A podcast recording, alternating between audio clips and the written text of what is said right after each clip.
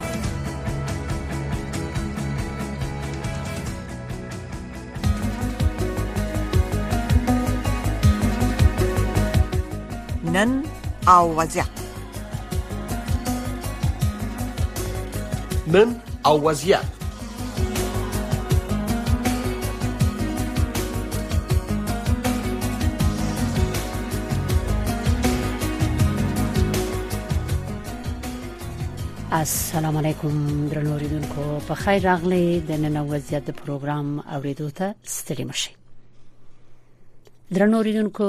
نن به تاسو حتما په خبرو کې د خبر اوریدلې وی چې ایران او سعودي عربستان موافقه کړې د خپلو کې چې خپل اړیکې بیرته کېږي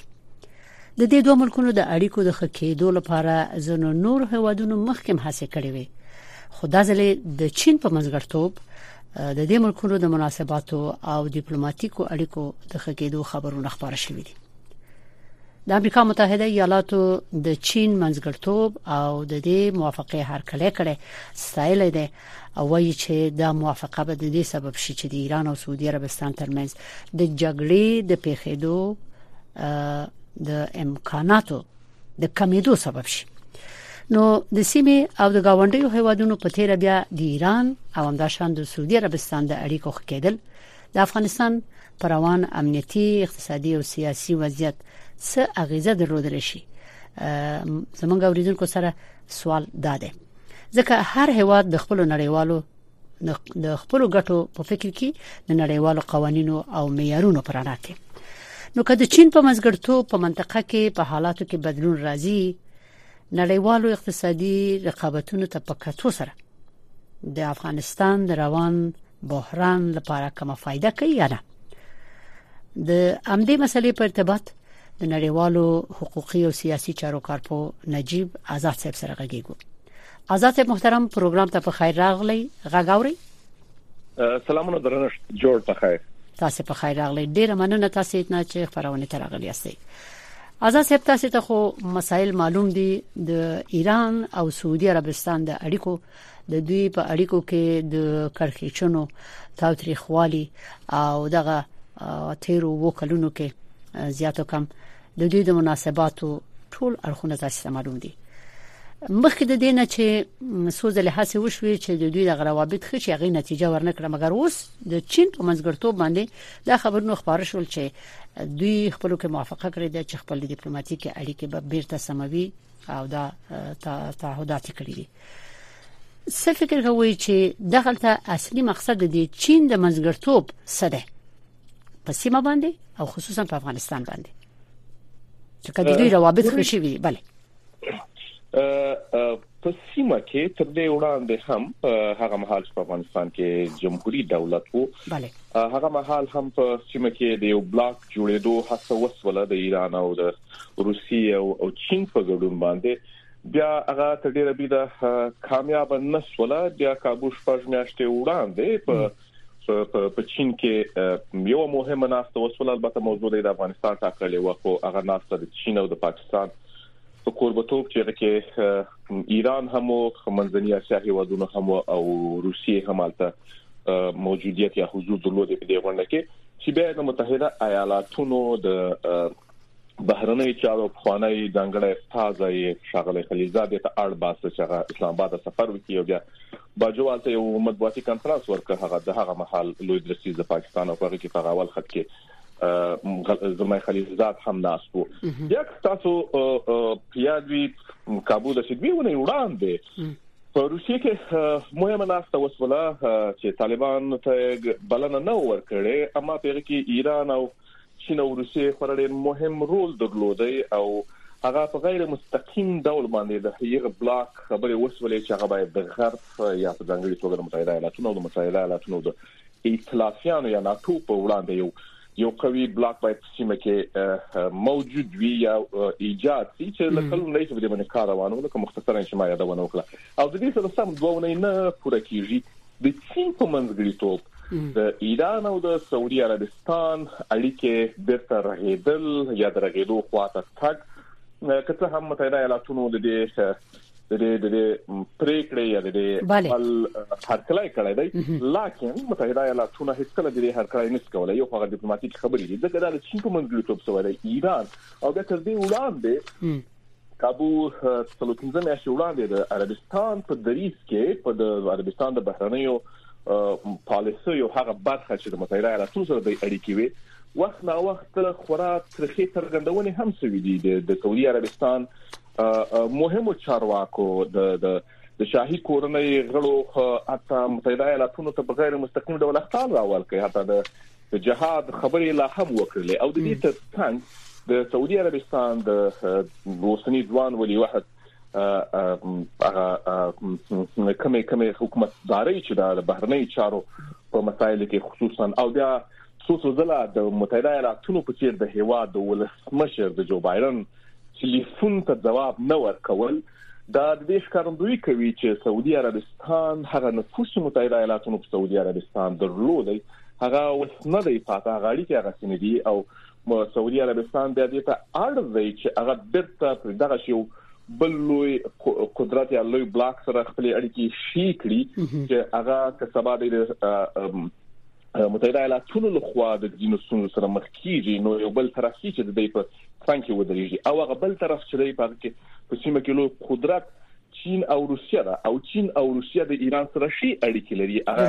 ځکه چې یو مشترکه ګټه هم دغه ده چې د د متحده ایالاتونو په مخالف صف کې ولاړ دي او بیا نو سعودي عربستان کې چین او د روسیې سره نږدېتوب ته هڅه کوي یا نیت لري بیا د اړ دي چې بیرته د یو د بل ملګری ده په دې بلاک کې په دې چین کې یا په دې اطلاف کې بل ملګری چې مهم غړی دی ایران سره اړیکې شي کړي ځکه چې دای نه سي کولای چې په دې بلاک کې دای هم موجود وي ایران هم موجود وي او هم دواړه یو د بل سره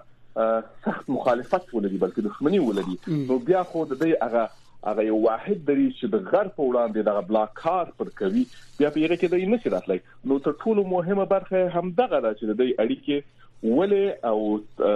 څنګه دغه حد ته ورسېدلې یا یعنی شواله ته ولې ولاړې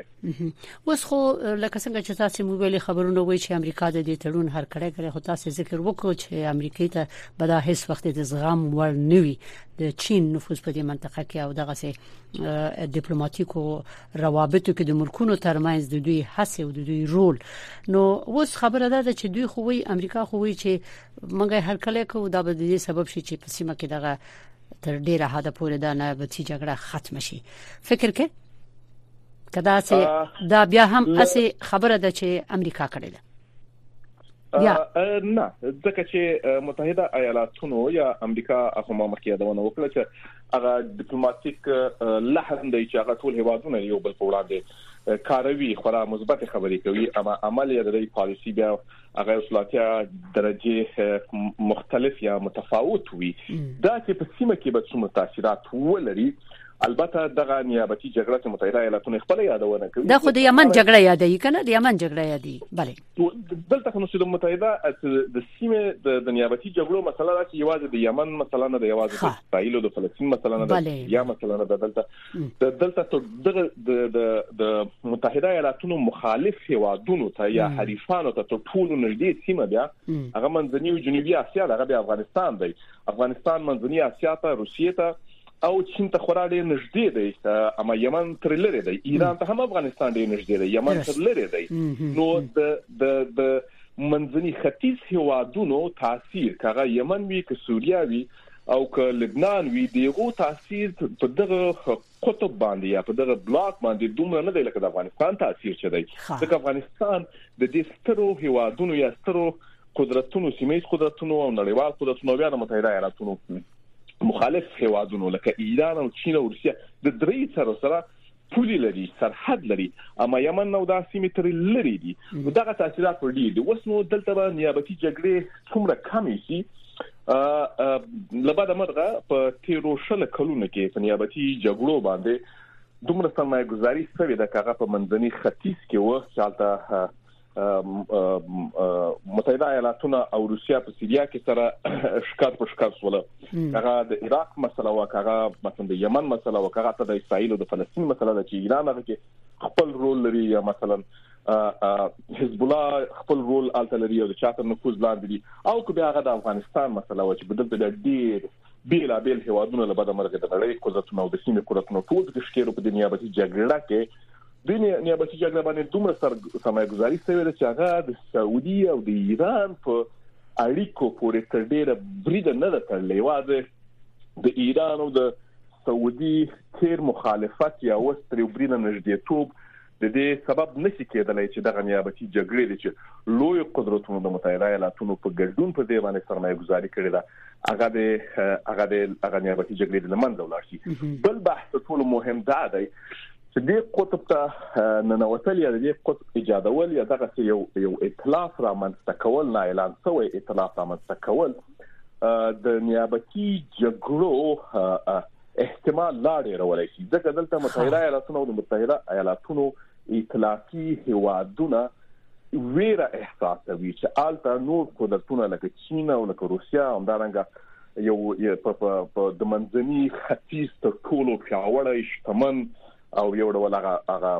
هغه برلاسه هیواد عربستان چې په ټول منځني ختیځ باندې خپل نفوذ لري هغه هم دلته د قطب تراتاګاو نو د دې مخالف قطب د متحده ایالاتونو یا د متحده ایالاتونو د ائتلاف مخالف قطب هغه دا ویره لاړې رولې شي د متحده ایالاتونو د د ناتو د لپاره چې الته به هغه قطب د دې په وړاندې نیابتي جګړه باندې سرمایه گذاري وکړي دغه هوادونه لکه په ځانګړي توګه افغانستان داسې یو بستر دی چې هلته نیابتي جګړې ډېر ښه تمثیلېدلی شي نو بیا به په مقابل کې متحده ایالاتونو د اطلاع هم بیرته په نیابتي جګړو باندې سرمایه گذاري وکړي په سیمه کې د ځینې خپل اطلاقي هوادونو لري لکه پاکستان نو دغه اړیکې د نږدې کې د متحده د وبخښې د سعودي عربستان او د ایران نږدې توپ د نیابتي جګړو د ختمېدو نه بلکې د زیاتېدو احتمال سره ډیر دی لبدا مرغه ښه نو په دې حساب د دې موافقه د سعودي عربستان او د ایران ترمنځ د تړون اهمیت نو څه شو یعنی صرف دا چې صرف دا چې د امریکا د مخالفانو ائتلاف قوي کیږي دا خورا خورا ډیر د اهمیت وړ دی هغه ځکه هم چې د نړیوال هغه ګلوبل افیرز چې ورته ویل کیږي نړیوالو چارو کې خورا ډیر بدلون نن سبا نړیوال سیاست کې لیدل کیږي نړیوال سیاست د منځني ختیځ ما مخکې یادونه وکړه په ځانګړي توګه د سعودي عربستان د تیر څلور پنځه میاشتو څرګندونه چې په وار وار ویل چې وسبه په نړۍ کې لومړی د اروپا یادونه وکړه چې د اروپا نفوذ له منځه تللی کې اقتصادي نفوذ به هغه اوس منځني ختیځ چې په هغه کې په اماراتو کې دا خبرې وکړلې چې اماراتو دومره ډیره هغه هغه اقتصادي چاپیریال یا بستر رامنځته کړی دی چې د د سیاحت نه نیولې تر نورو اقتصادي مواردو تر کاروبارو تر فابریکو تر تولید پورې دغه نفوس یا دغه کوم حیثیت چې د اروپا او د لمنځه تللی اوس منځني ختیځ خپل کړی دی همدا رنګه په دې لنډ وختو کې د سعودي عربستان برته خورا ډیر د سلاو رانیول او د دې ترڅنګ د دغه قطب د ایجاد د یوکراین د مسلې نه راوسته په نړۍ کې خورا ډیر په 2023 کې یعنی د نننی انسانانو فکر او تفکر یا د ټولنو فکر او تفکر خورا ډیر غنی شوی دی او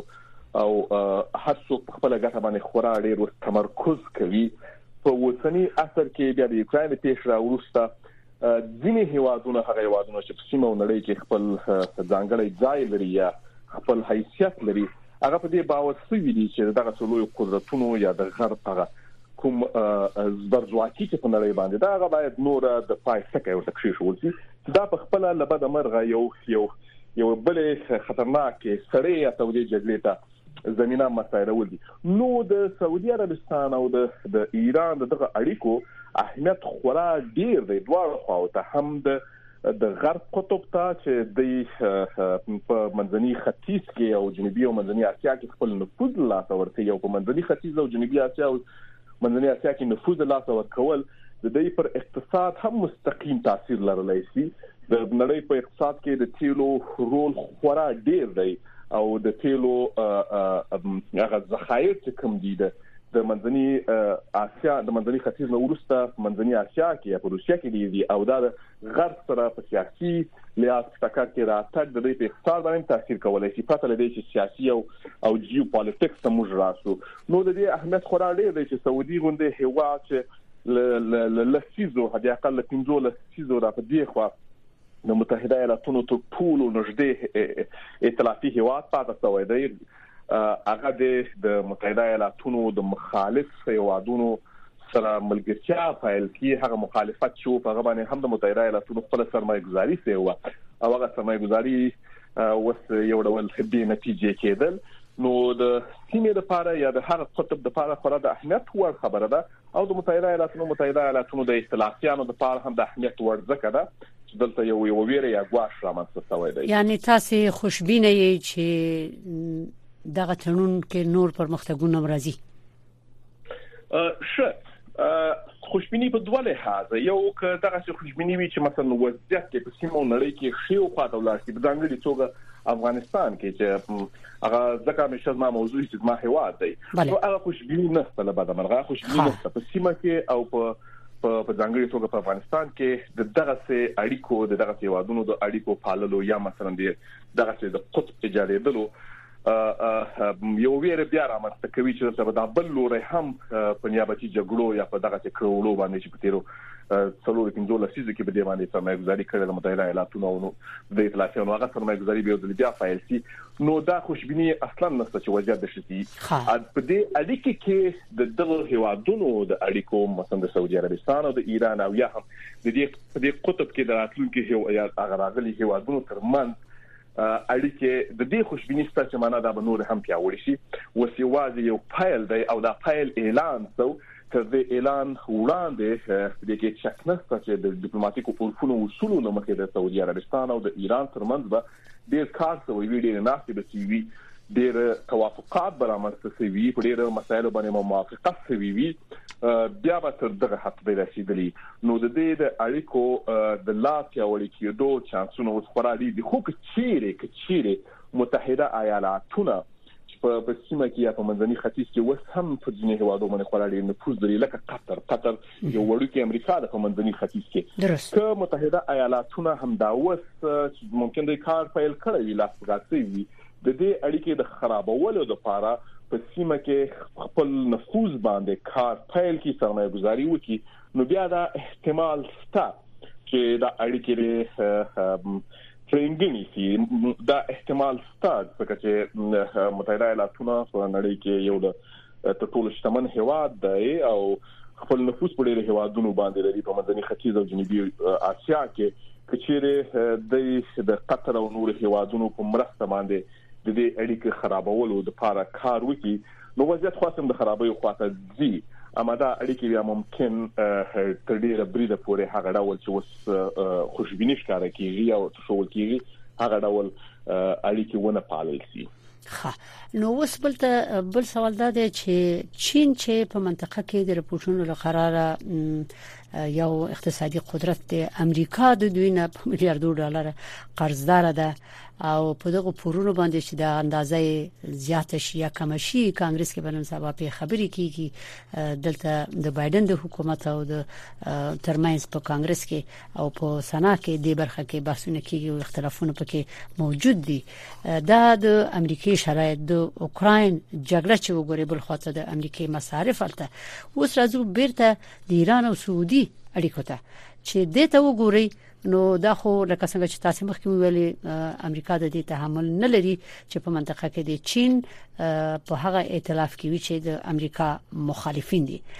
ځینې کارپوهان وایي چې دا کومه لوبه چې روانه ده په دې منطقه کې خصوصا د افغانستان مسله چې یادېږي وایي چې د کې نړیوال قدرتونه دي دوی خپل منافع لري او طالبان دومره زور قدرت نه لري او دا بحران به رواني په منطقه کې نو سوال زلته دا پیدا کیږي چې د کارپوهانو په استناد شوی وایي چې دلته په منطقه کې د پاکستان او د ایران د اتمی بم د کنټرول یا د لمنځه وړلو خبره ده دا یو مسله ده او دا د تروریزم سره جګړه ده بل مسله ده دلته نور منافع دي نور خبرې دي امریکا د سعودي سره مخکې روابط خو اوس په خړ پړ شوی د زنو مسایلو په ارتباط مثلا د بیان د ازادي یا مثلا د قاشقزي د خبرې نه روسته یا نورې مسلې دا شته د په دې سابق کې نو روابط به خړ پړ وي مګر بل طرف خو دوی بیا خپل کې دوستان دي ډېر روابط لري اما د ایران سره به د امریکا روابط خني دي یعنی د ایران روابط او د امریکې روابط دغه یو حال کې او سعودي چې د امریکای متحدو انډیوالو اوس د دې خواته نږدې کیږي او تاسو ویل افغانستان باندې به اثرات منفي وي ګټه نه کوي وضعیت نه خکېږي نو بل اخره زمونږ د دې بحث نتیجه څه شو ځکه تاسو ویلې چې هر مثال راوړم د افغانستان راوړم ځکه چې هغه زما وطن دی نو تاسو پیشنهاد څه دی افغانستان خو په دې منځ کې ګیر دی لومړی به مختصرا د یادونه وکم لکه څنګه تاسو خپل خبرو کې د چین د اقتصادي هغه برتری خبره وکړه حتی متحده ایالاتونه میلیارډونه ډالر پورولې ده ګوره د چین او د روسیې او د متحده ایالاتونو یو سیالي هغه چې د سړې جګړې نه پدې خو یاد دویمې نړیوالې جګړې نه پدې خو چې دا هیوادونه ستر قدرتونه د دې جګړه اقتصادي او نظامی جګړه غیر مستقیم و یا سړه جګړه و چې په نورو هیوادونو کې لکه په افغانستان کې په نورو هیوادونو کې د تمثيل کړي دا د ډیر د ډیر اقتصادي ځواک تر لاسه کولو په مخه باندې د دې ترڅنګ همدا درې ستر هیوادونه یو د بل مارکیټ دي که تاسو چیرې په متحده ایالاتونو کې وبخښي هر تولید ویني هر دوم او دریم تولید هغه به د ایران ساخت وي او بخښي د چین ساخت درست هغه به چین چین لیکلای وي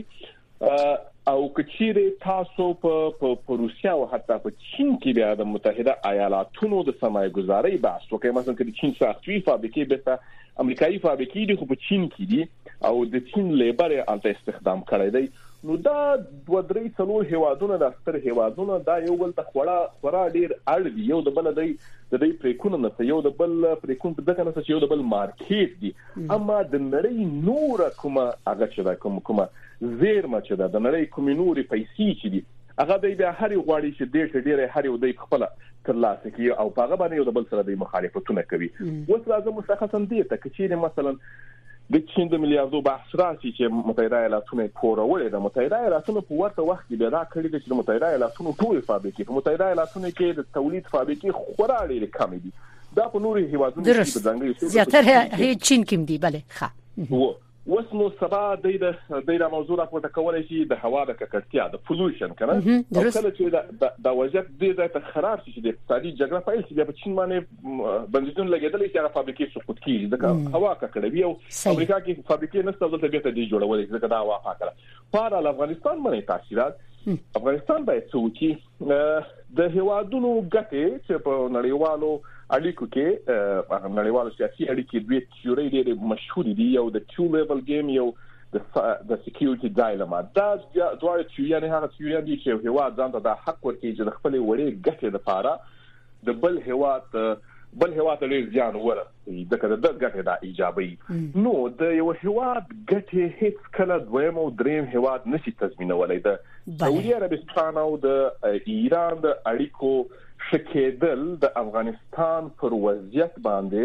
د افغانستان پر پر جغرافیه باندې به مثبت تاثیرات هغه مهال وای چې افغانستان په خپل د حکومتداري دولتداري یو چالان ماشين درلودای حتی هغه مهال چې موږ یو چالان ماشين درلودای هم مو د دې څخه استفاده و نه سوای کولای موږ په تیر کې هم نه نه د پاکستان ملګری شو نه د هندستان ملګری شو نه د ایران ملګری شو ملګری شو او نه هم د د د عربستان ملګری شو یعنی موږ کې هغه هغه د د بهرنیو چارو د وزارت پر نه کې هغه ډیپلوماټیک جوهر او زرتښت نو نن خو اصلا په افغانستان کې د دولت په نامه باندې د دال واو لام او تی اول په لفظ په د تعریف اته وجود نه لري کله چې د تعریف وجود نه وي اصلا تاسو یې خینسته نو اوسنی وضعیت ته اوسنی ساختار ته مشوره په خپل ز فکر کوم چې د د مشورې توهین دی ځکه آلته وضعیت داسې دی آلته ازا سه محترم اوس او بخي خبر مې دی نو له ساعت ګورم وخت لپاره زما تشویش چې دا وخت خلاص رانه نشي اوس په دغه یو وخت کې چې تاسو دغه د خبرونو تعقیبوي یو خوا ته د اټومي انرژي نړیواله اداره چې د هغه ویلي چې باید د ایران سره اوس په خبرو کې لګیا دي چې هغه تړون چې کړی دی د شپږو قدرتونو او ایران چې ایران به اټومي وسله یورانیم باندې غني کوي اوس خدا خبرونه سیاسي سمخت مخکې ورکړ چې په ایران کې د سزا نه دي چې دوی الته یورانیم غني کړي دي تقریبا 3.3 دي کسو 3.3 فیصد دي چې کېدای شي د اټومي وسلو جوړولو کې د دې نه کار واخیستل شي دلته اوس دغه اندېښنه ده نو اوس دوی وایي چې د منګه کده دوی سره د ایران سره کینو نو دغه مسله به مطرح کوو چې بالکل امریکا خو به دغه نم د دې تړون وتلې و خو اوس به د پیران باندې د نورو بندیزونو تجویز وړاندې کوي چې پیران بندیزونه ولګول شي مګر ایران ویلي دي چې موږ کولای شو تاسو سره همکاري وکړو شي دغه ټول ځایونه چې دي دا وګوري خو ځنې ځایونه دي چې الته هغه نایلان شوی ځایونه دي مثلا د بورډو اتومي فابریکه د غي ته باور شي د یو کمرې په پکې ولګي خو په دغه سی وخت کې چې د اتومي جنجال خبره ده په دې سی وخت کې دا خبر راځي چې ایران او سعودي عربستان خپل کې د خپل ډیپلوماټیک روابط ټینګوي دغه مسله که تاسو د سو ګوري چې دا به د ایران په اقتصادي وضعیت او په دغه بحران چې په ایران کې روان دی د بیان ازادي او نور نور خبري په دې به څه تاثیر وکړي یعنی ایران ته ګټه کوي په نړیواله سطح په دغه سیاست کې یو شی زه غواړم چې واضح کوم د د نړیوالو چارو د یو شاګرد په حیث چې دا موضوع زه د ویسکونسن په ایالتي پونتون کې تدریس کوم د نن سیاست د دویم نړیوال جګړې د اثر څخه خورا متفاوت دی د اټومي یا نیوکلر بام د کارولو اصلا هغه فکر او تصور نه نسته فکر او تصور ځکه نسته چې د اټامي قوت یا د نیوکلر بام د لرلو لرل اصلا د درېیمې جګړې د مخنیوي سبب سو ځکه بیلابیل هیوادونه یې لري که یو هیواد یو کاری بل هم کاروي او ټول ځمکه له منځه تلای شي او هیڅوک هم نه غواړي چې ځمکه له منځه ولاړه شي بل بحث دا دی چې په نړۍ کې څومره چې نیوکلر بامز دي یا د اټومیک هغه چې د اټومي وسله چې دا 90 سلنه د متحده ایالاتونو د روسیې سره ده باقي لس سلنه د لکه د د هند او پاکستان او همدارنګه د د د د فرانسې او د برتانیا نو دا بیا ویره ولې موجوده ده دغه کارپوهان ولې راځي دغه ویره لري چې ایران او هغه د اتمی بم جوړ نه کیو کلری هم د دې کنټرول باید دوی سره نه همدې مسلې ته زه اوس راتلم او یو د قلن دا بندیزونه نړیوال دا بندیزونه لګوي دا د دا د وسلو د کاروبار مسله ده تاسو په یوکرين کې د یوکرين د جګړې نه وروسته وګورئ چې چیرنه وسی تر اوسه پورې د 2.5 تریلیون ډالرو سلا خرڅ شوې ده په نړیوال مارکیټ کې چې ایران هم مجبور او مکلف دی چې دا سلا کې جوړوي د په میلیارډونو ډالرو خریداري کوي او بیرته له همدغه هیوادونو د تور مارکیټ څخه کوي همدا هیوادونو چې په دې باندې بندیزونه لګوي له متحده ایالاتونو څخه نیولې تر تر اروپایي هیوادونو د همدې تور مارکیټ بیرته دای مجبور دا رانیسي اما جګړه که شیر نړیواله کیږي د هیوادونو ترمنځ هغه به اقتصادي جګړه وي هغه به داسې جګړه وي چې د ټکنالوژي جګړه به موږ کرونا کرونا دا ثابت کړل چې که یو میاشت نړیوال مارکیټ بند شو تریلیون تریلیون ډالر تاوان نړۍ ته ورسېدل یا هیوادونو ته ورسېدل چې حتی نیولې تر تر تر هرې برخې پورې ټول سیستم فلج شو نو هغه جګړه ده د اتمی جګړې یوازې یوازې ډیپلوماټیک بیانونه دي د د بندیزونو خبره یوازې یوازې مارکیټ په تور مارکیټ کې د سلاو یا د سلاو جوړولو د موادو نرخ پورته کول دي د کوم شای چې بغیر قانوني یعنی یعنی د سعودي او ایران د سعودي او ایران تړون په دغه مسایلو اختلافاتو پورې او د امریکا سره په جنجال پورې هیڅ اړه نه لري مقصد مودا دی فقط نه خا اصلا نه اصلا نه هیڅ اړه نه لري ایواز په تور مارکیټ کې ما تاسو ول تور مارکیټ کې شاته ایرانی څه یغه ګران پری وځي ځکه شي غیر قانوني دی نو د سلا په تور مارکیټ کې نرخونه پورته کول دي او تر هغه راوسته ک ایران سبا لس چنده څومره چې د قوت لري لس نه اضافه ولري او لس په لاسونه اټمي بمونه جوړ کی ایران د نړیوالو ستر قدرتونو په وړاندې هیڅ هم نه دی د اټم بم هم هیڅ نه دی د پاکستان اټم بم هم هیڅ نه دی او نه له هغه څخه ستر قدرتونه ډیره مننه ویره لري آزاد صاحب محترم نجیب آزاد صاحب کور د ودان په مخامخه ان شاء الله انده کې به بیا هم خبرونه کې برخه واخلي او بغږیږو ډیره مننه چې خبرونه تر په مخامخه